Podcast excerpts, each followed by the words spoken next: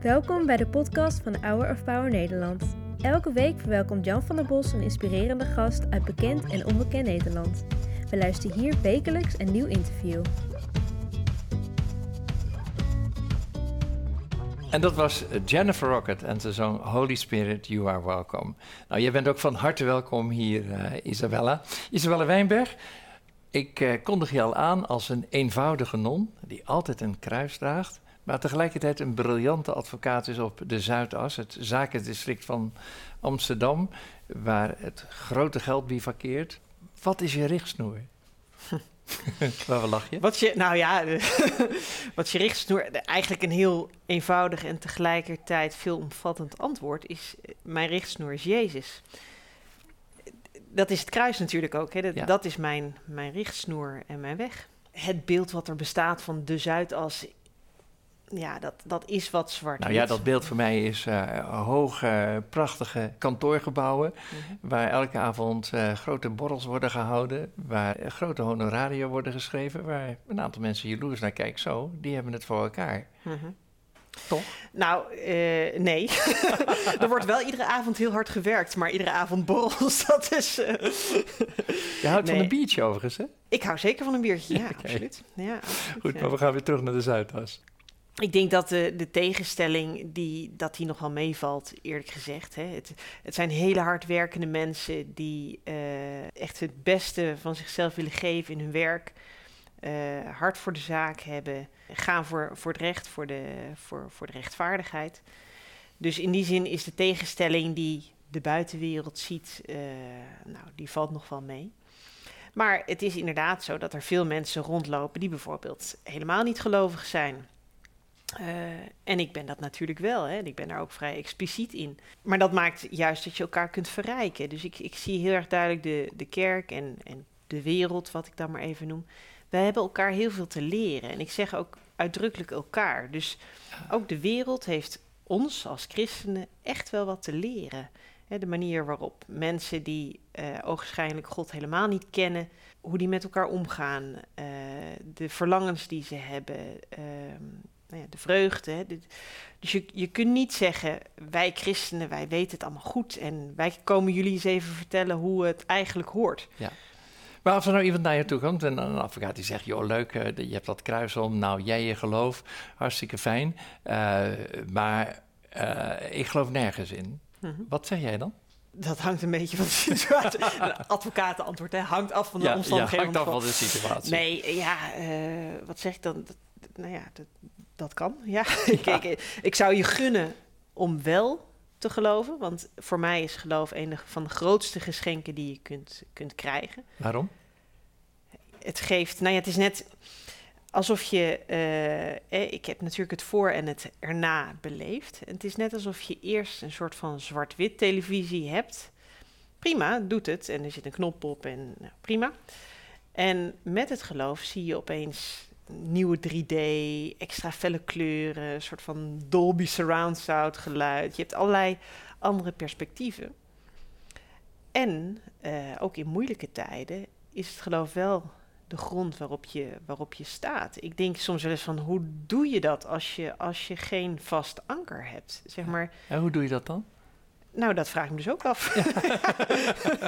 Ja. Kijk, er zijn natuurlijk allerlei manieren om door Ja. crisis heen te komen. Hè? En ik, ik wil ook niet zeggen van, nou, ga maar even geloven en dan is alles, eh, eh, kom je nooit meer moeilijkheden tegen. Maar voor mij is wel ook juist in die moeilijkere momenten van het leven, is het geloof, eh, is Jezus degene aan wie ik me echt vastklamp. Ja. Jezus is een dienend leider.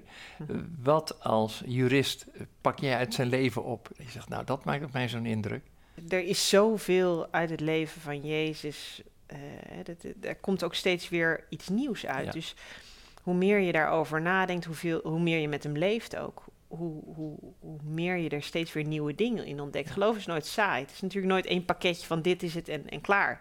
Je hebt altijd iets nieuws te ontdekken over God. Dus ook over Jezus. Eh, maar als ik, als ik één ding zou moeten noemen, is het zijn blik voor iedere mens individueel. Ehm, en dat is ook een van de belangrijke beginselen van de sociale leer van de kerk. hè. De mens is altijd het, het doel en nooit het middel. En dat zie ik heel duidelijk ook in het leven van Jezus terug. Hij zag ieder individueel. Hij zag wat ieder individueel nodig had. En als je daar eens over nadenkt, hè, van wat voor een blik heeft Jezus op jou? Ja. Dat is een, een, een, ben ik van overtuigd, een liefdevolle blik. Maar hij zal met jou een ander gesprek hebben dan met mij.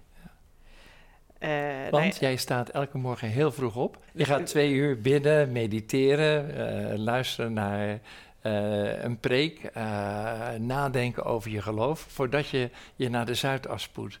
-hmm. Meestal is het een uur. Dus ik, ik heb inderdaad in totaal bid ik een uurtje of twee per dag. Ik heb ook periodes van droogte natuurlijk, hè. Ja. Maar je hebt natuurlijk verschillende fases in je gebed. En een van de methoden die mij vaak hel helpt, is de Lectio Divina. En dus dat je een stuk Bijbeltekst neemt, dat je daar eerst even rustig doorheen leest. En niet alsof je eh, globaal door een groot, groot stuk moet, maar echt van wat staat hier nou? Vervolgens. Dat, uh, dat, is, dat is zo moeilijk voor mensen van onze tijd, want alles is snel, druk, vlug, zelfs Bijbellezen. Ja. Zeker. Nou ja, wat daarbij helpt, want daar heb ik ook last van, is bijvoorbeeld soms teksten overschrijven. Ja. Of ze uit je hoofd leren. Ja. Hè, dat, om echt jezelf te dwingen van wat staat hier nu echt. Ja. Nou, en dan vervolgens erover nadenken. Hè, inderdaad, van wat zijn meditaties die ik ooit erover heb gehoord, of mooie preek of wat dan ook. En dan vervolgens op basis daarvan komen tot gebed. En dan eigenlijk kom je in de laatste fase, en dat is de meest. Um, bijzondere. En ook niet een fase die je kunt afdwingen. Dat is namelijk gewoon het zijn met de Heer.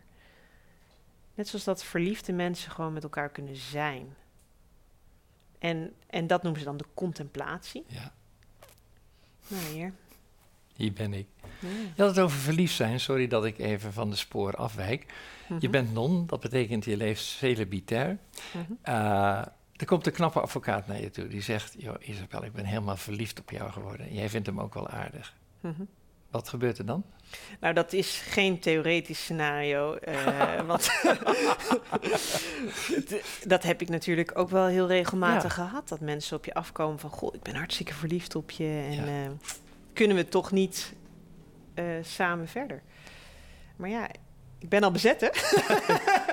Je bruid van Christus. ja, Ja, ja. dat is wel een bijzonder leven, hè?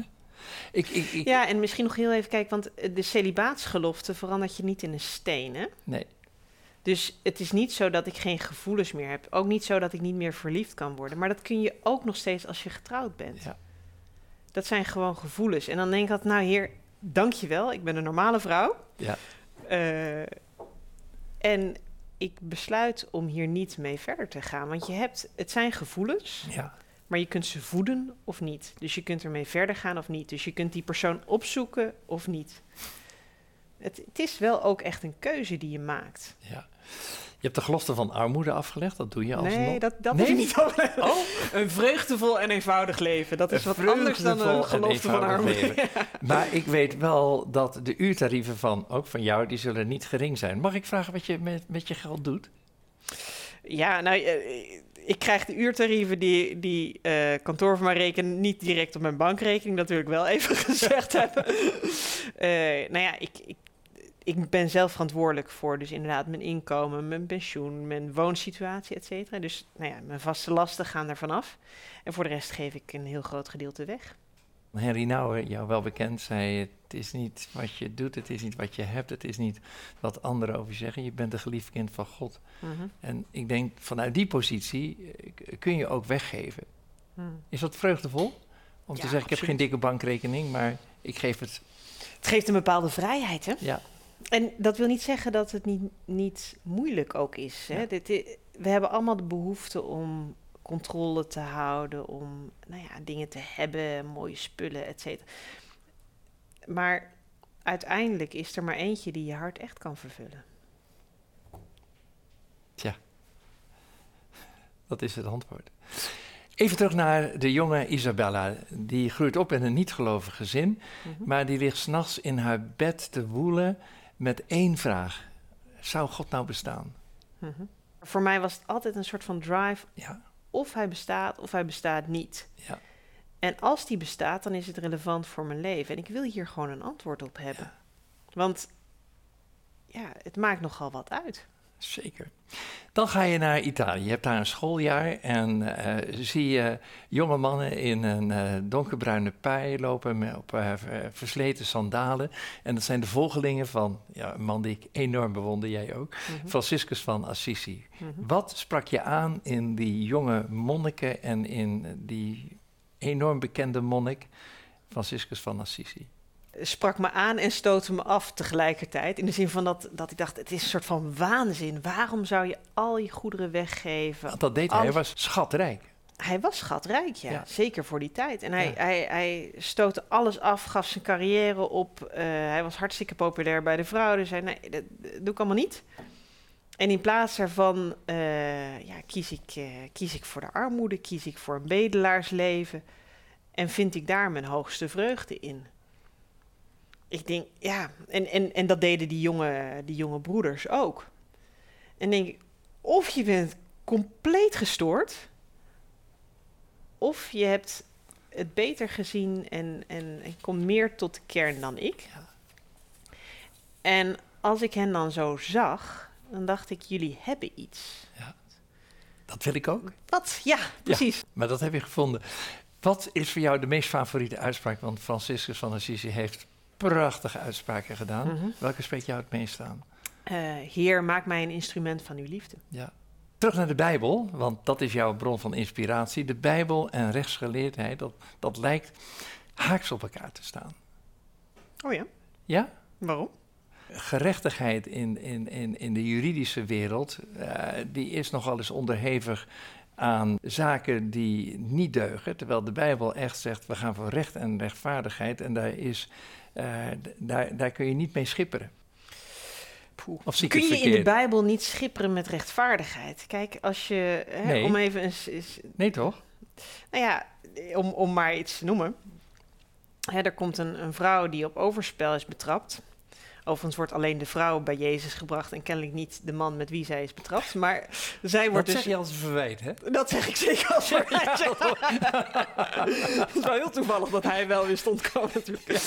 Maar die wordt dus bij Jezus gebracht. En als je kijkt naar de wet, het Oude Testament, ja? zou deze vrouw gestenigd moeten ja. worden. Ja. En wat zegt Jezus? Hij die zonder zonde is, werpen de eerste steen. Knap gevonden, hè? Is dat rechtvaardig? Nou ja, hij, kijk, en Jezus zegt niet van hé, hey, het was prima wat je deed en, en uh, niks en dan. Hij zegt: ga heen en zondig niet weer. Ja. Dus ja, is dat niet een beetje schip met de rechtvaardigheid? Ja, jij mag het zeggen. ja, dat is schipperen. Ja, ja, je hebt me weer wat nieuws geleerd, dankjewel. Wie is nou Isabelle Wijnberg? Gewoon een van de dochters van de Heer. Ja? Je komt ontzettend vreugdevol over, blij, uh, een gelukkig mens. Ben ik ook, ja. Ja? Absoluut, ja. ja. Ja, maar heel veel mensen zoeken daarna. Die denken, ik zou willen hebben wat Isabelle ook heeft. Wat zeg jij dan? Ja, je hebt zo'n mooie tekst. Uh, uh, klopt en u zal worden opengedaan. Ik denk dat dat verlangen naar God, wat, wat ten diepste, zoals Augustinus ook al zei, van ons hart blijft onrustig totdat het rust vindt in u. Ja. En ik denk ook dat een mens nooit volledig rust kan vinden zonder God. Dus ja, blijf zoeken, blijf kloppen, blijf nieuwsgierig, open je hart. En, uh, en dan mag je er ook vertrouwen in hebben dat hij je zal vinden en dat hij je open zal doen. Ja. Hè, wat ik wel eens tegen mensen zeg, van uh, als je dan in je bed ligt en je denkt van God bestaat niet, bid dan eens, God, als je bestaat, oh ja. laat me je dan zien. En, en, en wees dan bij me. En, of nou ja, stort, stort je hart eens bij me uit.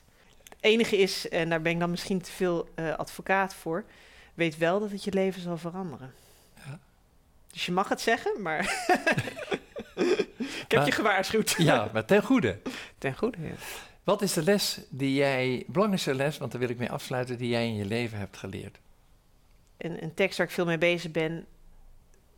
Wees dankbaar. Hè? Dus, dus ook in de moeilijkheden probeer dan toch echt die dankbaarheid te leven. Sta even stil en kijk waar ben ik nu dankbaar voor. En dan zie je toch wel vaak dat er veel, ja, veel is om dankbaar voor te zijn. Ja. Heel hartelijk bedankt voor uh, dit gesprek. Ik heb ervan genoten. Dankjewel voor de wijze inzichten die je uh, uh, onze kijkers en ook mij hebt gegeven. Daar ben ik je zeer erkentelijk voor. Ik wil je niet met lege handen naar de Zuidas terug laten gaan. Bobby Schuller schreef dit dagboek, Een sterk geloof, dagelijkse bemoedigingen. Super, mooi. Heel veel dank Jan. Dankjewel Isabel en fijn dat je hier was. Bedankt voor het luisteren naar het interview van deze week. We hopen dat dit verhaal jou heeft bemoedigd. Wil je meer weten over Hour of Power of andere interviews bekijken? Ga dan naar www.hourofpower.nl.